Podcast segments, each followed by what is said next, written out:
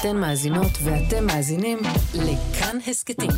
כאן הסכתים, הפודקאסטים של תאגיד השידור הישראלי.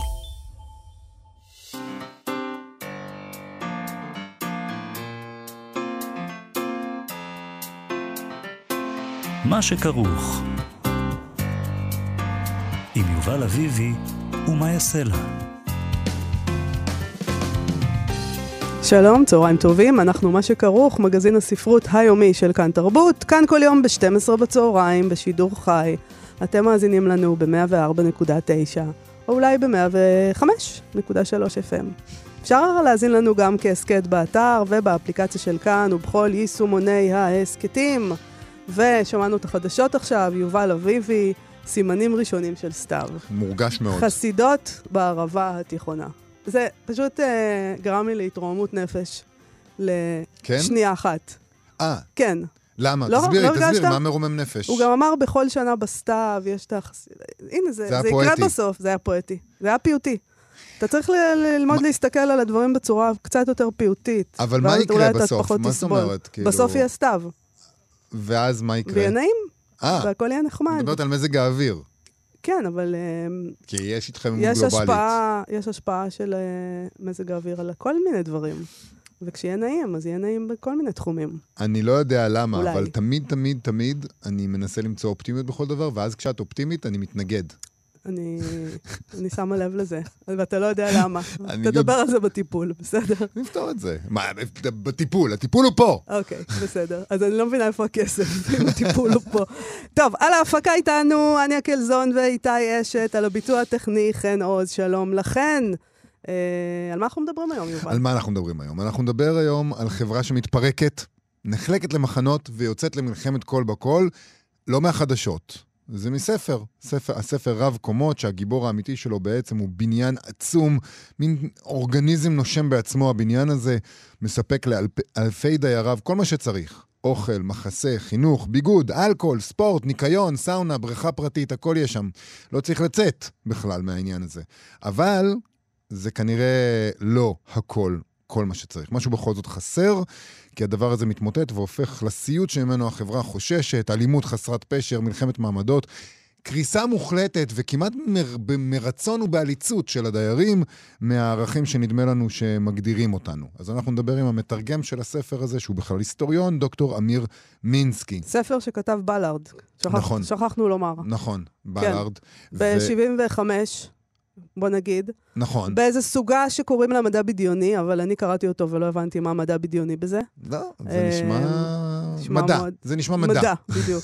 ספר יפה, תרגום מאוד יפה. עוד מעט נכון. נדבר עם אה, אמיר מינסקי. נדבר גם עם שלומית עוזיאל שלנו בפינה מוציאה לשון, ונדמה שימים משונים אלה הולמים את הנושא שיעסיק אותנו איתה היום, נונסנס וג'יבריש בספרות. למה אתה חייב לקשר את הכל לימים? זאת אומרת, תן לנו קרדיט, שאנחנו מבינים לבד דברים. טוב, אה, אנחנו מתחילים עם הרוחות הסוערות בפריז. אה, האם דוכני מוכרי הספרים המפורסמים, שפועלים כבר 450 שנה על גדות הסן, עומדים להיות מפונים? זה, זה האיום. אה, ונשמע כמו עילה לעוד סדרה של הפגנות צרפתיות, כמו שהצרפתים יודעים להפגין. כן. כל מי שביקר בפריז, כמובן מכיר את הדוכנים האלה על הסן, עמוסי הספרים, אבל עכשיו המשטרה המקומית רוצה להזיז אותם משם מסיבות ביטחוניות, לקראת טקס הפתיחה של אולימפיאדת הקיץ בשנת 2024. שזה, אני חייבת להגיד, מאוד מפתיע אותי שהצרפתים הסכימו שהאולימפיאדה תהיה אצלם. עכשיו, אני יודעת שכל מדינה רוצה שהאולימפיאדה תהיה אצלה, כי זה הכסף וזה, אבל הצרפתים כאלה אנטיפטיים.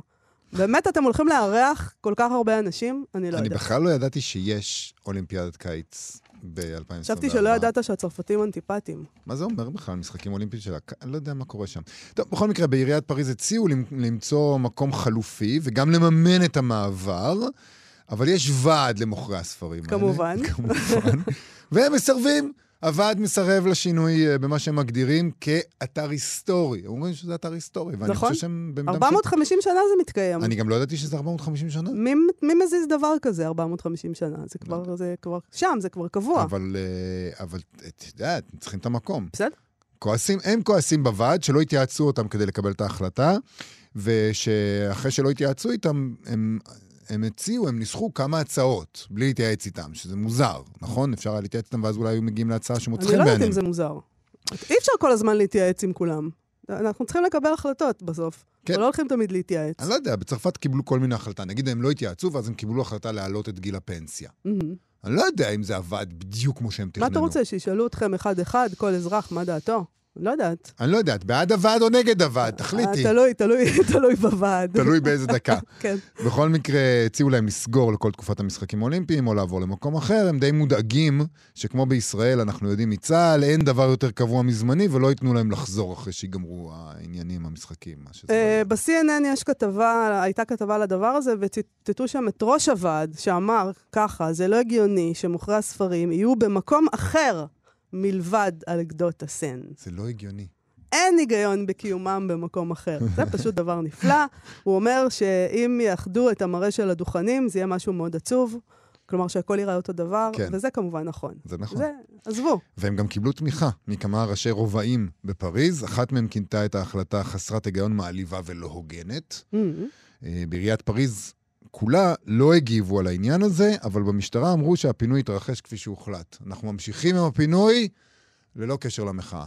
ועזבי רגע אבל את עניין כוחות השוק ומה יקרה בסוף. אני אומר, יגיעו הרבה תיירים, אירועי ספורט מושכים הרבה מאוד תיירים לעיר, והם ירצו לבקר במה שנקרא אתרים תיירותיים. אולי מעניין אותם לשוטט באתר תיירות כזה שהוא סמל של העיר הזו? אולי, אבל הם דיברו על סיבות ביטחוניות. ואני לא יודעת, לא עובר בך רטט כשאתה שומע את הצירוף הזה, סיבות ביטחוניות? היד, היד מתרוממת להצדעה, אני צריך להחזיק אותה. אני עוברת לדום, אה, ואגב, בוודאי שהצירוף הזה של אולימפיאדה וסיבות ביטחוניות, אנחנו, יש, לנו יש טראומה מהדבר הזה. אה, אני אני לא יודעת, צריך לברר מה זה הסיבות הביטחוניות האלה. אה, אנחנו באים גם ממקום כזה, אנחנו הישראלים, שאנחנו יודעים שסיבות ביטחוניות זה דבר שתמיד מנצח. אה, אבל, אם מישהו יכול לתירוץ הזה של סיבות ביטחוניות, זה הצרפתים, יש... אה, שיודעים להילחם. נראה מההפגנות האחרונות בצרפת שיש סיבות ביטחוניות גם לעשות מה שהמוחים רוצים. כי, כן. גם, כש... כי גם זו סיבה ביטחונית אה, לא להיכנס להפגנות שם. כן. כן, אבל לא יודעת, כאילו, מה, כמה הוועד הזה חזק? זה לא משאיות, זה לא... משאיות זה יותר קשוח. משאיות זה אה? יותר גיל קשוח. הפרישה זה יותר קשוח. אנחנו נמשיך לעקוב ונראה איך הצרפתים מתמודדים עם הביטחוניזם הזה של הסיבות הביטחוניות של האולימפיאדה. אה, בהצלחה.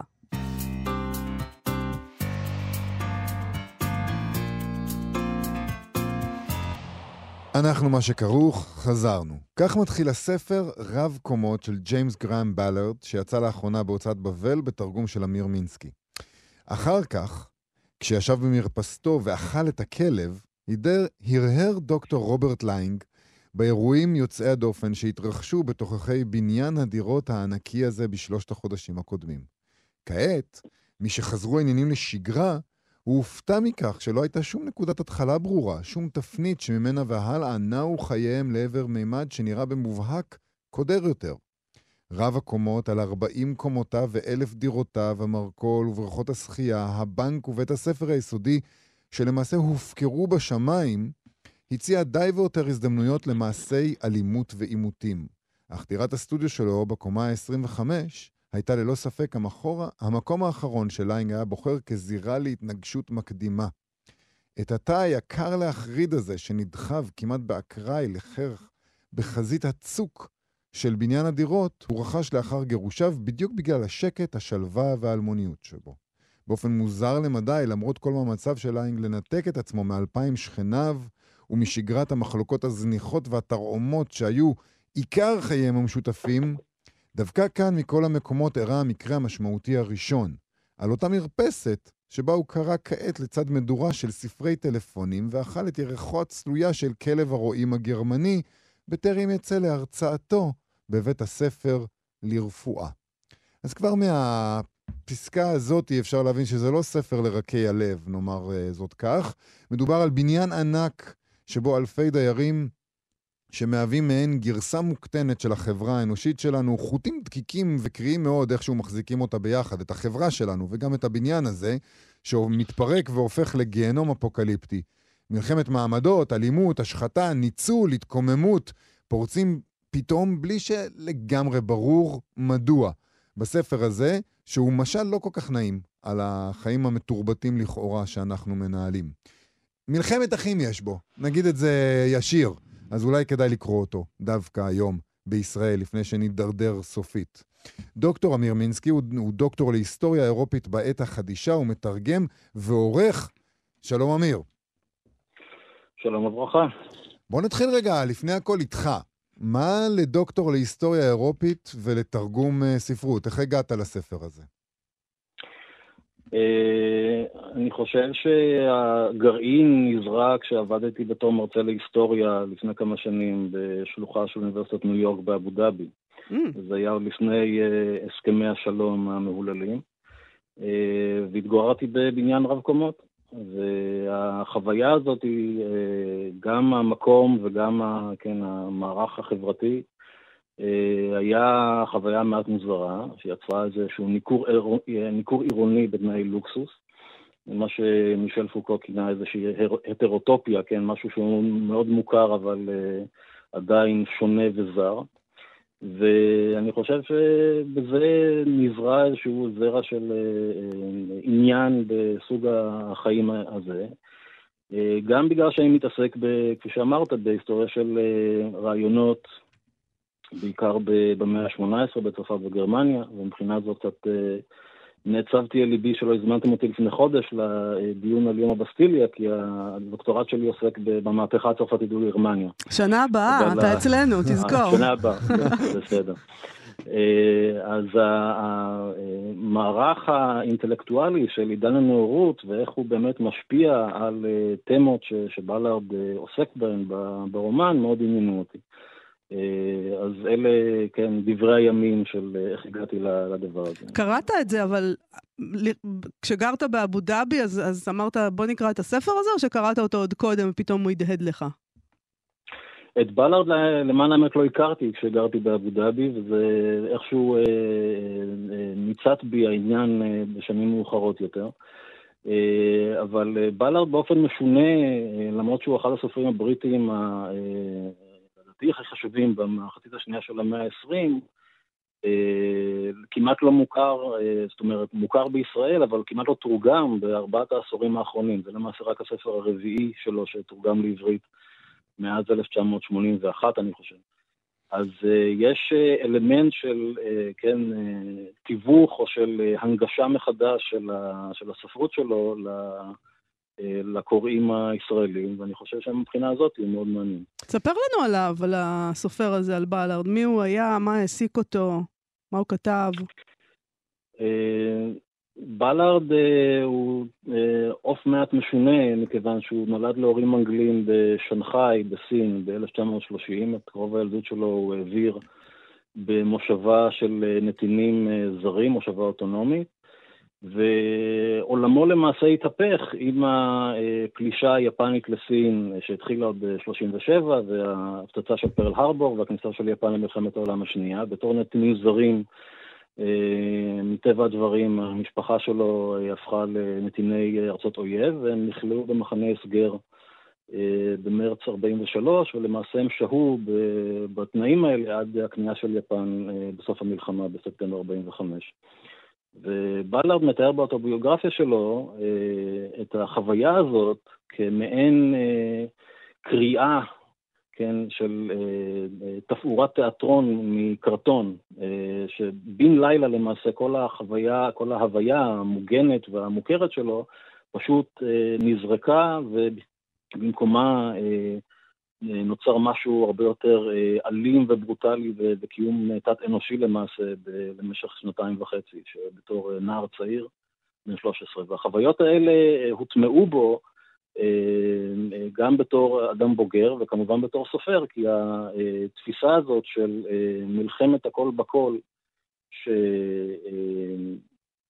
מחנות הסגר ובתי כלא ובהשאלה גם אה, מקומות יותר אקסקלוסיביים שאנשים אה, מסתגרים בהם מרצון, כמו למשל, למשל קהילות סגורות של האלפיון העליון, אה, היו רקע להרבה מאוד מה, מהספרים שהוא כתב, אני יכול להזכיר שניים מהם. הסמי-אוטוביוגרפיה שלו, קיסרות השמש, שסטיבן ספילברג עשה מזה סרט באמת על החוויות של, ה, של המלחמה ושל של מחנה ההסגר. וספר מפורסם נוסף, שגם הוא תורגם לעברית, זה קראש מ-1973, שהיה סקנדל גדול כשהוא פורסם, וגם כשהוסרט על ידי דבין קרוננברג ב-1996. כי בעצם, אה, בעצם אה, מה שקורה במקומות האלה זה בדיוק מה שאמרת, שקוראים איזה מין מעטה מאוד דק של תרבותיות, וזה לא קשה לעשות את זה, וברגע שזה נקרא, אז באמת הכל מתפרץ. ההתפרקות היא מאוד מאוד קלה, נגיד, בספר הזה. אה, מהר מאוד וכמעט ללא סיבות נראות לעין, ממש אולצים כמעט דיירי הבניין הזה לעבור למלחמת קול בקול, לאדם לאדם זאב. אני נוטה לקרוא לסיטואציה הזאת מעין אפוקליפסה של חדר מדרגות. כי הדימויים שיש לרובנו, אני חושב, על קץ העולם, אה, הם בדרך כלל בצורה של איזו שואה גרעינית, בגלל המאבק הבין-גושי בתקופת המלחמה הקרה. מה שהרבה יותר נוכח כרגע בדיון הציבורי זה ההתפוררות האקלימית, כמובן, של כדור הארץ. אה, רובנו לא נוטים לחשוב על אפוקליפסה כשאנחנו יורדים לזרוק את הזבל. והקיום הזה בכפיפה אחת של הסוריאליסטי והגרוטסקי מצד אחד, ושל הבנאלי והיומיומי מצד שני, זה באמת תו היכר של הכתיבה של בלארד. אה, גם ברומן הזה באופן ספציפי, כי התרחישים המחרידים ביותר שאנחנו יכולים לדמיין, למעשה מתממשים בהיסח הדעת. זאת אומרת, למרות שיש אה, השתתפות פעילה אה, ומשתוקקת אפילו של, של הדיירים בבניין הזה, כן, להתפרקות מכל החסמים הפסיכולוגיים והתרבותיים מכל הנימוסים וההליכות שהתרבות תבנתה והנחילה לנו, הבניין עצמו הוא למעשה הקטליזטור הגדול, הוא הזרז של כל האלמנטים המחרידים ביותר, בגלל שיש בצורת החברות הזאת, בארכיטקטורה, שהבנייה הזאת לגובה, שגם היא איזושהי תולדה של מהלכים היסטוריים, אה, יש בה משהו מנקר, יש בה משהו לא אנושי, שלמעשה מאפשר סוג כזה של אה, אה, גלישה מאוד מהירה לברבריזם ובאמת לשיגעון. זה גם קשור, אתה כותב על זה באחרית הדבר, זה קשור גם לצפיפות. אתה אומר, אתם לא יכולים לשים אלף בני אדם על שטח מאוד מאוד מוגבל שבאמת מתנשא לשחקים, אפילו אם תיתנו להם את כל הנוחות, ומתואר שם בניין באמת שיא הנוחות, מסעדות יוקרה, חנות אלכוהול, בריכה. בית ספר, בריכה, סאונה, נשמע כמו... אבל עדיין יש את הקומות התחתונות, ששם יש את האנשים האלה שיש להם ילדים. נכון. זה מתחיל, זה מתחיל איזה סוג... אבל, אלה אבל... למעלה עם הכלבים. אבל אני חושב שאלה באמת...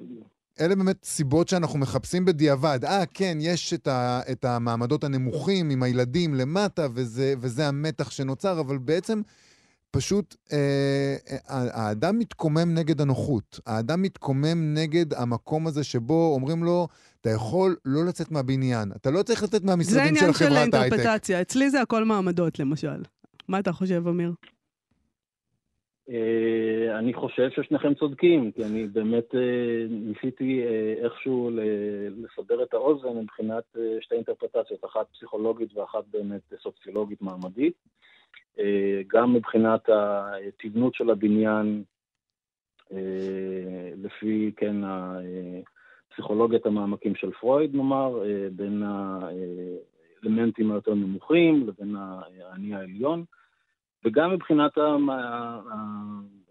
ההבדלים הסוציולוגיים שהם מאוד זניחים בין, בין הדיירים של, של הקומות הנמוכות לעליונות. זאת אומרת, מתקיימים אה, הבדלים סוציו-אקונומיים כמובן, אבל ההבדלים הם בסופו של דבר הבדלים של קומת מגורים.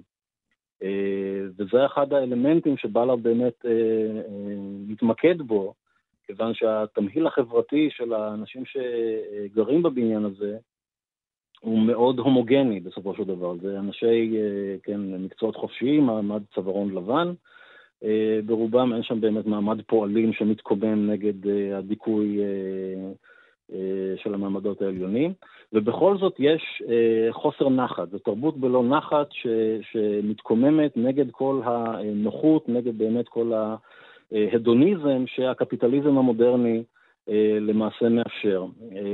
ויש כאן אלמנט של מעבר באמת, גם מבחינה ארכיטקטונית, אה, זה המו"ל שלי, שרון רוטברד, הוא יותר גדול ממני לזה, אבל אה, המעבר הזה באמת ממגורים שהיו אחרי מלחמת העולם השנייה, אה, שיכונים בדיור ציבורי, הפך מאוד פופולרי באירופה ובארצות הברית בשנות ה-60 וגם בישראל כמובן. למצב שבנייה לגובה בבטון הופכת למגורי יוקרה, והבורגנות המבוססת משתלטת על הבניינים האלה. היום כמובן זה אלפיון עליון שגר בכל המגדלים, אני יודע, לאורך כביש איילון. אבל באמת התפיסה הזאת של, של מגורי יוקרה התבססה באמת במעבר בין שנות ה-60 ל-70. למה זה מבחינת בלארד איזשהו אלמנט אוטופי, כן, של צרכנות ונוחיות, שלמעשה מתהפך על הראש, מכיוון שהכשלים התכנוניים והכשלים המושגיים בחשיבה על בנייה לגובה, הם אלה שלמעשה מאיצים את ההתפרקות של המערך החברתי, ומאפשרים את מימוש המאוויים והדחפים המודחקים של, של הדיירים האלה. זה לא שצורת הדיור לגובה, כמה שלא אקסקלוסיבית היא תהיה, תאפשר חיים הרמוניים, אלא בדיוק להפך, היא דוחפת לעימותים ולמריבות, היא מאפשרת את ההתבססות של כל האלמנטים הקטנוניים והנקמניים ביותר באופי האנושי, שמוס, שמוסווים רק בחל, בחלקם באמצעות נימוסים והליכות. אני חושב שכל מי שגר פעם בבית אה, בבית מגורים משותף יכול להעיד מבשורו שהדברים האלה זוועה. קיימים. אבל כן. מה שנוצר פה בעצם זה היפוך של הדבר הזה, כי הרי מה האנשים האלה רוצים? הם רוצים היפרדות מהעולם, הם רוצים להישאר בתוך הבניין שלהם, יהיה להם את החברה הסגורה שלהם, נכון? את הסאונה, את הבריכה, את המכולת ואנשים המיוקרתית. כמוהם. אנשים כמוהם. ואז כשקורה הדבר הזה, זה אחד הדברים המעניינים, קורה בדיוק זה, הם עדיין נשארים נפרדים מהעולם. זה, זה אחד הדברים היפים שקורים בספר הזה, שכמו שאמרת, האפוקליפסה של חדר המדרגות, שאר העולם ממשיך כמנהגו, הכל בסדר בשאר המקומות. רק בתוך הבניין הזה פתאום יש שואה מוחלטת וחיים איומים, וזה מתואר גם בקטע שקראנו בהתחלה, שאתה מנשנש על עצמך ירך של כלב אה, רועים גרמני, שבישלת במדורה של ספרי טלפונים במרפסת שלך, ואז יוצא עדיין לעבודתך כמרצה. רופא. בבית ספר בבית לרפואה. הספר לרפואה. זאת אומרת, העולם, כן. הסגרג... ההפרדה הזאת נשמרה, פשוט התהפכו, ה... התהפכו היוצרות. אה, בלארד היה הרבה מאוד דברים בעברו, לפני שהוא הפך לסופר במשרה מלאה, הוא היה גם אה, סטודנט לפתולוגיה, גם היה טייס, אז האלמנטים האלה נוכחים בפרוזה שלו בכל מיני מופעים, והוא טען שלראות אה, חדר ניתוח, כן, זה לא פחות ברוטלי מאשר, אה, כן, אה, אה, אה, מגורים בבית משותף, זאת אומרת, האלמנטים האלה נוכחים בטקסטורה, במרקם של העלילה שלו. למה הדברים האלה הם, אה, כל כך אקוטיים מבחינת הבריחה, כן, למעשה מהעולם? יש כאן התכתבות, אה, גם על זה אני קצת מדבר באחרית דבר, אה, מכל המטען של התבונה אה, שהנחילה לנו המאה ה-18. זאת אומרת שמאה שהייתה אה, תבונית באופן קיצוני, שכמובן התקיים בממד אה, דכאני מאוד, כן, ההתפשטות האירופית אה, על הגלובוס, שלוותה בקולוניאליזם ובאימפריאליזם, אבל ה- אה, הרציו שלה היה באמת, אה, הזרז היה אה, אה, תבוני ובאמת קידום של אה, תפיסת עולם אמפירית ומדעית במקום המיסטיפיקציה והמטאפיזיקה של הדורות הקודמים. יש כאן אלמנט של מה שהסוציולוג הגרמני מקס ודר כינה בריחה מכלוב הברזל של התבונה. אה, מכל הכללים הביורוקרטיים ומכל כללי ההתנהגות שהמודרנה אה, תכנתה לתוכנו, שלמעשה מובילה לשיגעון מרצון. זה למעשה האפשרות הכמעט יחידה שנותרה לאדם המודרני למעשה להשתחרר, למעשה להציג, להשיג איזשהו אלמנט אמנציפטורי מכבלי המוסר והאשמה של המסורת היהודו-נוצרית, אה, ולעבור באמת למשהו שהוא מבוסס עונג, כן? מדבר על האלמנטים של בריחה למעשה מכל מה שגורם לנו לחשוב על עצמנו כיצורי אנוש. ויש בזה אלמנט של חזרה לטבע. סוף סוף אנחנו לא יצורים תבוניים, אלא אנחנו חוזרים להיות סוג של חיות קצת יותר, עם קצת יותר קשרים טכנולוגיים. ו... וחזרה ו... לברבריות, כלומר, לא, אולי לא היינו צריכים למהר כל כך לוותר על אלוהים. אה, יש כאן אלמנט, אה, יכול להיות אה, מטאפיזי. הממד הטכנולוגי בפרוזה של בלארד, אני חושב, הוא יותר חשוב מהממד המטאפיזי. Mm-hmm. כי הוא חושב על טכנולוגיה באמת כמשהו שמאפשר את כל השפע והנוחיות וההדוניזם שאנחנו חווים, או רובנו חווים, באופן יומיומי, ועדיין, כאשר הטכנולוגיה ממלאת את הייעוד שלה, והפסיכופתולוגיה אה, משתחררת, כן, מכל כבלי המוסר וה, וההתנהגות, טכנולוגיה למעשה הופכת להיות כלי קיבול לזבל. זה, זה פח הזבל של ההיסטוריה למעשה. זאת אומרת, ברגע שאנחנו כבר לא צריכים את הטכנולוגיה, אה, כל הקפיצה המטאורית שעשינו מאז המהפכה התעשייתית למעשה, אם אנחנו חושבים על זה בראייה, כן, מקרו-היסטורית, 200 השנים האחרונות בהתפתחות שלנו כ... כמין אנושי, הייתה קפיצה מטאורית יחסית לכל ההיסטוריה שלנו מאז האדם הקדמון, מאז למעשה גילוי האש והמצאת הגלגל.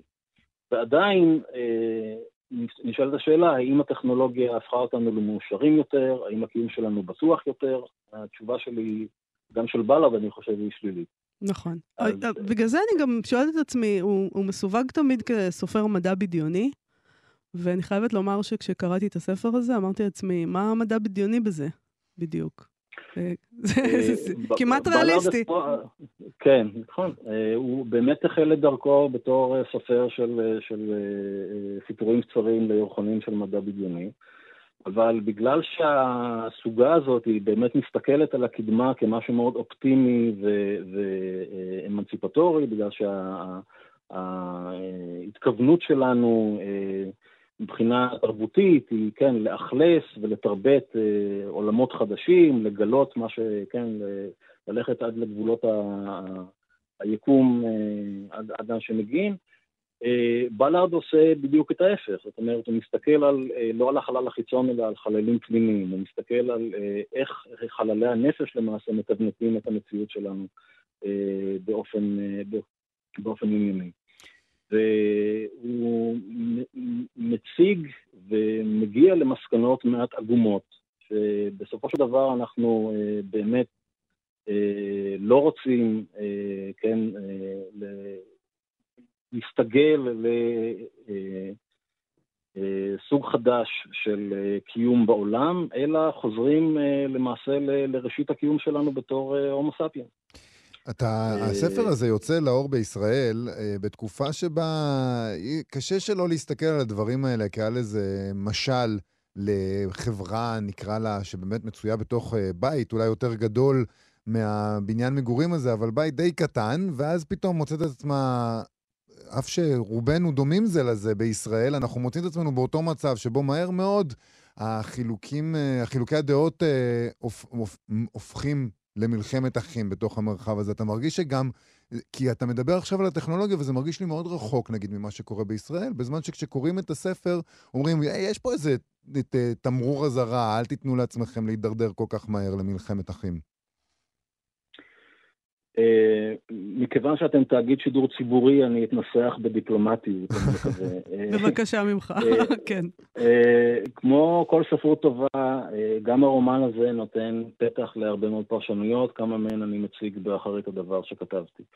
אלה כמובן לא פרשנויות מחייבות, וקוראים בכל קונטקסט ספציפי יכולים להשליך רעיונות ותכנים על המציאות המיידית שלהם. וקהלים שונים וקריאה של טקסטים בתקופות שונות כמובן אה, משנים את הטקסט עצמו. מהבחינה הזאת, אם מישהו מוצא מקבילות בין ההתפרקות החברתית שמתוארת ברב קומות לבין המציאות הפוליטית והחברתית העכשווית בישראל, אני משער שזה לא מקרי, אני חושב שזה גם מבורך. באמת יש אה, אה, קווים, קווי דמיון אה, באמת ברורים אה, בתהליכים אה, כאלה ואחרים. אבל אני חושב שהמסר, בגלל שבלארד אה, בסופו של דבר לא כתב לקהל ישראלי, הוא כתב לקהל אה, או אנגלי, הוא גם, אה, יש לו מסר באמת אוניברסלי. הספר הזה מעמיד כמה שאלות שהייתי מכנה אותן אפילו אקזיסטנציאליסטיות, שנוגעות לקיום האנושי במצב המודרני. זה לא רק טכנולוגיה, זה גם קפיטליזם. האם אנחנו מוכנים לשלם כל מחיר רוחני או מוסרי או אקולוגי כדי לספק את התאווה שלנו לצרכנות, לנוחיות, להדוניזם, האם בסופו של דבר יש כאן מצב שהוא מצב אידיאלי שנשאף עבור הקיום האנושי בעולם, או שיש אופציות אחרות. יש מכוני מחקר שמרניים בארצות הברית, למשל, שישבעו בנקיטת חפץ, אה, כמו אה, דוקטור פנגלוס מקנדיד של וולטר, כשאנחנו חיים בעולם הכי טוב מכל העולמות האפשריים. אה, וכל עוולה וכל מעשה פשע וכל אי שוויון כלכלי וחברתי ניתנים לתירוץ באמצעות זה שאנחנו אומרים, הסטרוקטורה הגלובלית למעשה מעיינת את כל כן, הפרטים הספציפיים האלה. אפשר באמת לחשוב ככה, אפשר גם לחשוב אחרת, שיש אלטרנטיבות אחרות לקיום אנושי בעולם. שניתן לנו, ניתנת לנו הזדמנות אולי לעשות משהו אחר עם עצמנו בזמן שניתן לנו.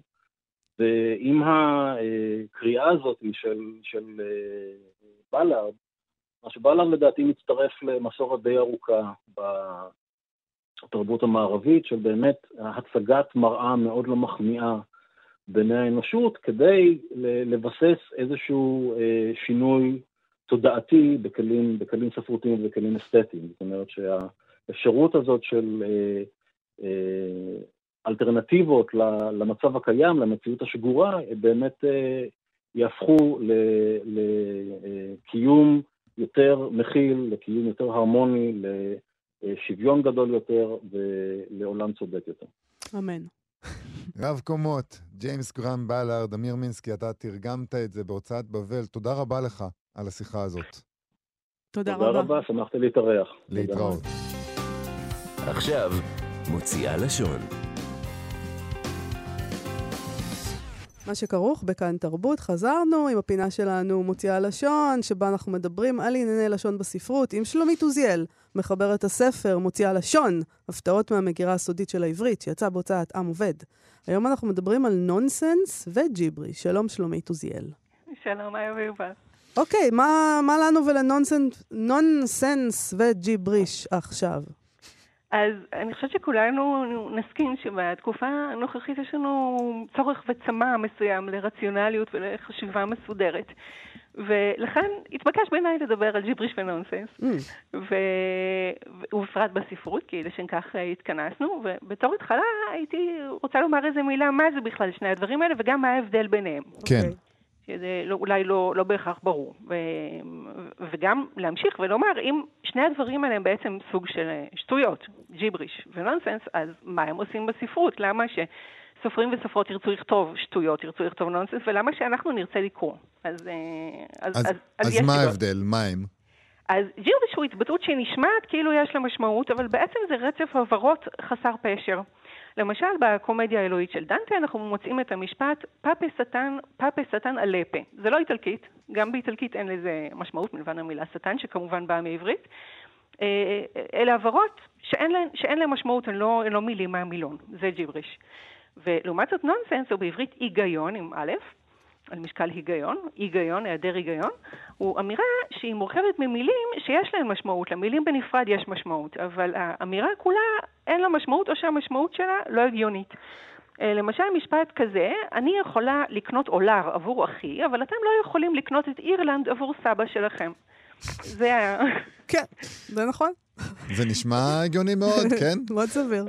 כן, נכון. אז יש פה, יש פה משהו, אבל בואו נגיד היגיון, זה לא משפט הגיוני שהיינו דווקא אומרים ככה ב, ב, במציאות, כי כל, כל מילה או כל חלק של המשפט, יש בו היגיון בפני עצמו, אבל הסך הכל יוצא, יוצא נונסנס. Uh, המשפט הזה הוא מהמחזה הזמרת הקרחת של הג'ני יונסקו, ו... ואנחנו שואלים את עצמנו, אם ככה, למה? למה ג'יבריש? למה נונסנס? מה, מה זה בכל זאת נותן לנו? למה, למה שמות, אה, בכל זאת, אתם יודעים, אה, קצת, אה, קצת רציניים כמו דנטה ויונסקו, למה הם הלכו דווקא על זה? אז בואי נתחיל עם דנטה, שהוא באמת אה, אדם רציני. אה, כן, אדם שראה חלקים ניכרים מהבריאה ודי מוסמך. אז הקומדיה האלוהית של דנטה אליגיירי, כמובן פואמה מתחילת המאה ה-14, יצירה מכוננת של הספרות והתרבות האיטלקית, ואם אה, דנטה מתאר בו כיצד הוא עושה מסע אה, בתופת, הגיהנום, בפורגטורים ובגן עדן, ובשיר הקנטו השביעי ביצירה, הם פוגשים, הם מגיעים ל... אמ, לחלק של התופת של הגיהינום שנקרא המעגל הרביעי, שבו נענשים הקמצנים והפזרנים, יחד אגב, צועקים אחד על השני, אה, ומקבל את פניהם פלוטו, אל העושר והמוות היווני-רומאי, והוא מקבל את פניהם בקרקור של משפט סתום. ושמענו אותו, פאפה שטן, פאפה שטן אלפה. ו... ואז אנחנו אומרים לעצמנו, כאילו, זה, זה משהו שמדגים לנו מאוד יפה את, ה, את הערך, נגיד, של, של ג'יבריש. אנחנו מסתכלים על המשפט הזה, ואני חושבת שאפשר להגיד די בביטחון שהמשפט הלא מובן הזה הוא עורר, כל היצירה כולה זכתה להמון פרשנויות והרבה תרגומים להרבה שפות, גם לעברית כמה תרגומים. אבל המשפט הזה, אני חושבת ש, שנוכל לומר שהוא זכה לפרשנות רבה במיוחד. בדיוק משום שהוא לא ברור, כי הוא מסתורי. כי הוא נותן לנו איזה מרחב להגיד מה הוא התכוון להגיד פה, מה זה הדבר הזה. הוא לא אמר, זה לחש, זה, זה כשף, זה... זהו, זה... לא, אנחנו לא צריכים. לדעת, מי שצריך לדעת יודע. אנחנו אה. המכשפות, אנחנו מבינות על מה מדובר אה, פה. בדיוק, כן. בני האדם לא חייבים. אבל לא צריך להגיד לכולם, לא כולם דווקא חייבים לדעת. נכון, לא, לא חייבים לדעת, לא. אבל כן, זה נשמע כמו איזו שפה לא מובנת. כן, בייחוד שבמשפט הבא, וירגיליוס, המשורר רומאי, שמתלווה לדנטה במסעו בתופת, הוא נשמע כאילו הוא כן מבין את זה. אז נרמז לנו, הקוראים והקוראות, שיש פה משהו עם היגיון, וכשאנחנו לא מבינים אותו שפה אחרת, אולי, אולי כישוף, אולי איזה לחש. מין אברה קדברה כזה, ואנחנו גם שומעים שהוא קורא לשטן, או אומר שטן. Mm-hmm. ואז פירשו את המילים האלה, בסך הכל יש פה שתי מילים מלבד שטן, כן? פאפה ואלפה. אז יש מי שאומרים אולי זה קשור למילת קריאה לטינית, אה, אה, מילת הקריאה הלטינית פאפאי, שזה מין אה, קריאה כזו, התפעלות, מין וואו כזו, או אולי זה קריאה, או אולי מזכירים פה את האפיפיור, פופה. Mm. אה, ולגבי אלפה, יש השערות שזה התייחסות למילים בעברית, לאלף או לאלוף. תמיד אנחנו איכשהו מגיעים לשם. אה, כן, תקשיבו, יש לנו... אנחנו היינו קודם, פשוט, אתה יודע. שעמדו יפה בתור. אז זה באמת מקרה שכאילו המסתורין הוא חלק באמת מה, מהניסיון, אה, מהשימוש בכלל בדבר הזה, זה למען המסתורין, זה לא אמור להתפרש. איזה עוד דוגמאות יש לזה? למען המסתורין, והייתי רוצה לומר עוד משהו, נשים לב שהמשפט הזה, חוץ מזה שהוא לא מובן לנו ולכן הוא מסתורי, יש בו עוד משהו, יש בו איזה אליטרציה, פאפה, פאפה, אלפה, כאילו אנחנו, היות שאנחנו לא מבינים, האוזן שלנו הולכת אל הצליל, וזה עוד דבר שיש פה. אמ, ושהוא קורה גם במקומות אחרים. זאת, אנחנו מוזמנים, הטקסט הלא מובן מזמין אותנו לשמוע את החריזה, לשמוע את הקצב, לשמוע את החזרה לצלילים, את האליטרציה. אה, ואני יכולה עוד להוסיף שבתרגום, אה, אה, בתרגום, אנחנו שמענו פה את התרגום לעברית של ראובן כהן, שנשאר עם, ה, עם המילים הלא ברורות, אבל אם נשווה תרגומים נגיד לאנגלית, נמצא שבתרגום אחד לא היה לו נוח למתרגם, הנרי, הנרי פרנסיס קארי, לא היה לו נוח עם הג'יבריש הזה, והוא תרגם את זה, אה, מי, או סטן, סטן, כאילו הוא לא, הוא, הוא, לא, הוא לא רצה לתת לקוראים את הדבר הלא מובן הזה, לא רצה להשאיר אותם עם, ה, עם הרגע הזה של אי נחת ואי הבנה, הוא תרגם. תרגום של לונגפלו, הוא השאיר את, ה, השאיר את הג'יבריש, אז זה, אז זה דבר אחד. אנחנו מעדיפים שמשאירים את הג'יבריש. אה, בואי נעבור אבל לדוגמה הבאה שהבאת לנו. אז עוד, עוד, עוד דוגמה יפה שהיא משלבת גם ג'יבריש וגם היגיון, זו יצירה, פה היה לנו משפט אחד, כן? זהו משפט חריג אה, בקומדיה האלוהית, אבל ביצירה של ג'יימס ג'ויס, Finnegans Wake, רומן, יש לנו כמה מאות עמודים של אה, בעצם אה, ג'יבריש והיגיון. אה, יצירה ש, שהשפה יש לה מקום נורא מרכזי בה, ולעומת זאת הרבה יותר קשה למצוא בה עלילה או דמויות, היא, היא כולה קצת לא ברורה, קשה, הרבה לא ברורה, קשה לקריאה, זכתה בגלל זה להמון פרשנויות, כמו שראינו שהמשפט היחיד הזה מהקומדיה הזמין, ככה היצירה כולה, פיניגנס וייק של ג'יימס ג'ויס, בגלל חוסר בהירות זכתה להמון פרשנויות, ויש בה הרבה משחקי מילים אה, על אנגלית ועל שפות אחרות, ואפילו עשו קונקורדנציה של המילים, המילות הג'יבריש, עשו קונקורדנציה שלהם, של מילות הג'יבריש שבפיניגנס וייק. עכשיו, כדי לדגום לנו איזה משהו קטן ולראות מה הוא עושה שם, ניקח משפט אחד, קצר, אה, שהוא אומר, only a photograph of a yestern scene. עכשיו, יש במשפט הזה שתי מילים שהן לא מילים באנגלית, photograph ו-yestern, אין, אין מילים כאלה באנגלית. עכשיו, ניסו למצוא לזה כל מיני משמעויות. אה, אמרו אולי פדוגרף זה קיצור של faded photograph, תצלום דהוי. ויסטן נשמע דומה קצת ל-yesterday, אתמול. וגם לגסטן, שזה באמת אתמול בגרמנית, כדוגמה למשחקי מילים הרב-לשוניים שהוא עושה שם, אה, אה, ג'ויס. אז המשפט כולו, אפשר להגיד, אולי אנחנו מסתכלים עליו, אנחנו מקשיבים לו, אתם רואים כאילו ברגע שזה ג'יבריש באמת זה לוקח אותנו לפרש לעצמנו, נותן לנו איזה מרחב לדמיון. ואפשר להגיד, אוקיי, אולי זה אומר רק תצלום דהוי מיום אתמול, אבל, אבל זה פרשנות. אה, הוא נותן לנו מקום לפרש לעצמנו. זה מאוד מסוכן לתת לנו מקום לפרש לעצמנו, אי אפשר לדעת מה יקרה, אבל בואי, בואי נחזור רגע, נעבור לא מהג'יברי של באמת אל ההיגיון, אל המשפט הזה שאמרת לנו, אני יכולה לקנות אולר עבור אחי, אבל אתם לא יכולים לקנות את אירלנד עבור סבא שלכם. בואו נחזור רגע אליו. יונסקו. כן. אז אה, יונסקו, מה שקרה, הוא בתור התחלה... אה, רצה ללמוד אה, אנגלית, את רוב יצירותיו הוא כתב בצרפתית, והוא רצה בשלב מסוים ללמוד אנגלית. והוא נעזר בספר לימוד אנגלית, כמו שהיום נגיד אנשים לומדים עם דואלינגו ומוצאים שם כל מיני משפטים די מוזרים. אני מצאתי נגיד שבדואלינגו ישנם את המשפטים היפים, לחתול שלך יש תמונת פרופיל מצוינת, ואני פחות מאושר מקודם, שזה אגב משפט מאוד יונסקו, זאת אומרת גם אם הוא היה לומד אנגלית היום עם דואלינגו כנראה הוא היה יכול אה, למצוא שם. אבל הוא מצא, הוא, הוא מצא בספר הלימוד שלו כל מיני משפטים מאוד תמוהים, כמו התקרה למעלה והרצפה למטה.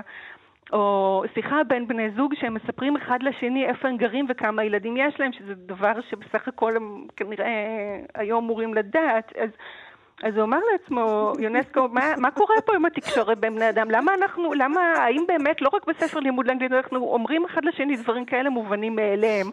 כי זה, כי זה קצת נכון, כן? לפעמים. אמ, אז הוא כתב מחזה שלם שהוא חשב, אגב, שזה יהיה מחזה נורא עצוב על האבסורד של התקשורת ועל האמירות הבנאליות שמדרדרות לשטויות שאנחנו אומרים. אה, והופתע לגלות שאנשים חשבו שזה נורא מצחיק. אז אני אקריא לנו, אם מתאים קטע, בתרגום של אה, עדה בן נחום. בבקשה. שמתחיל באמת למשפט הזה, שאומרת אחת הדמויות, אני יכולה לקנות אולר עבור אחי, אבל אתם לא יכולים לקנות את אירלנד עבור סבא שלכם. אז מישהו אחר אומר, הולכים ברגליים, אבל מתחממים באמצעות חשמל או פחם. המוכר היום בקר, יאכל ביצה מחר. בחיים צריך להביט דרך החלון. אפשר להתיישב על כיסא, כאשר לכיסא אין. איש איש וגורלו הביש. ואז מישהי אחרת אומרת, מורה מלמדת ילדים לקרוא, אבל החתולה מעניקה את צאצאיה כשהם קטנים. כאן... נשמע... כמו החיים. נשמע לי ממש כמו החיים שלי. אבל. כאן באמת ההיגיון הוא לא בגלל המשפט uh, כשהוא עומד בפני עצמו, אלא באמת בגלל שהם פשוט uh, לא קשור... הדיאלוג לא קשור אחד לשני, זה כאילו שני אנשים בחלל.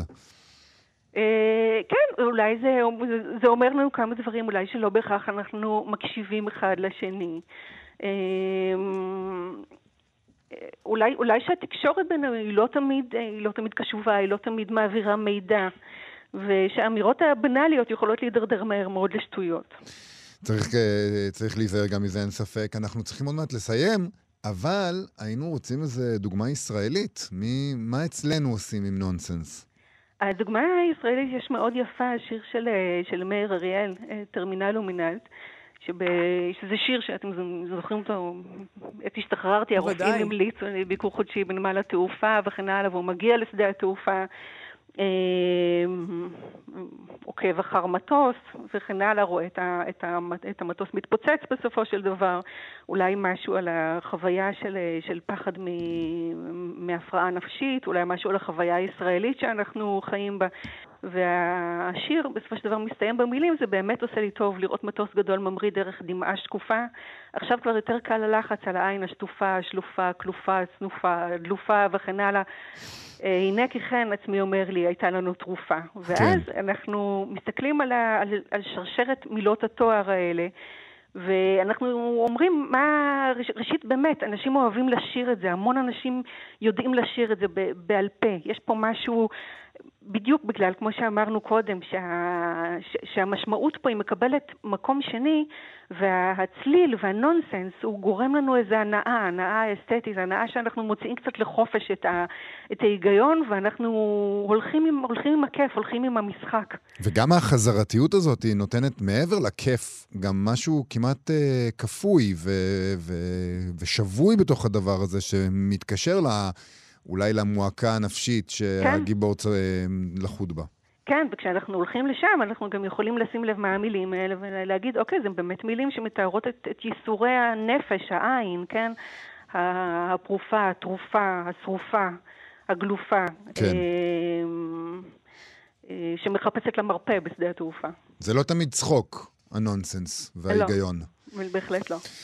שלומית עוזיאל, מוציאה לשון, תודה רבה לך על הפינה המעשירה הזאת. תודה לכם. להתראות. ביי ביי. עד כאן, יובל, התוכנית שלנו להיום. נכון. תודה רבה לאיתי אשת ואני הקלזון שעשו איתנו את התוכנית, וגם לחן עוז שעל הביצוע הטכני. אנחנו נהיה פה שוב מחר. להתראות. ביי. אתן מאזינות ואתם מאזינים לכאן הסכתים. כאן הסכתים, הפודקאסטים של תאגיד השידור הישראלי.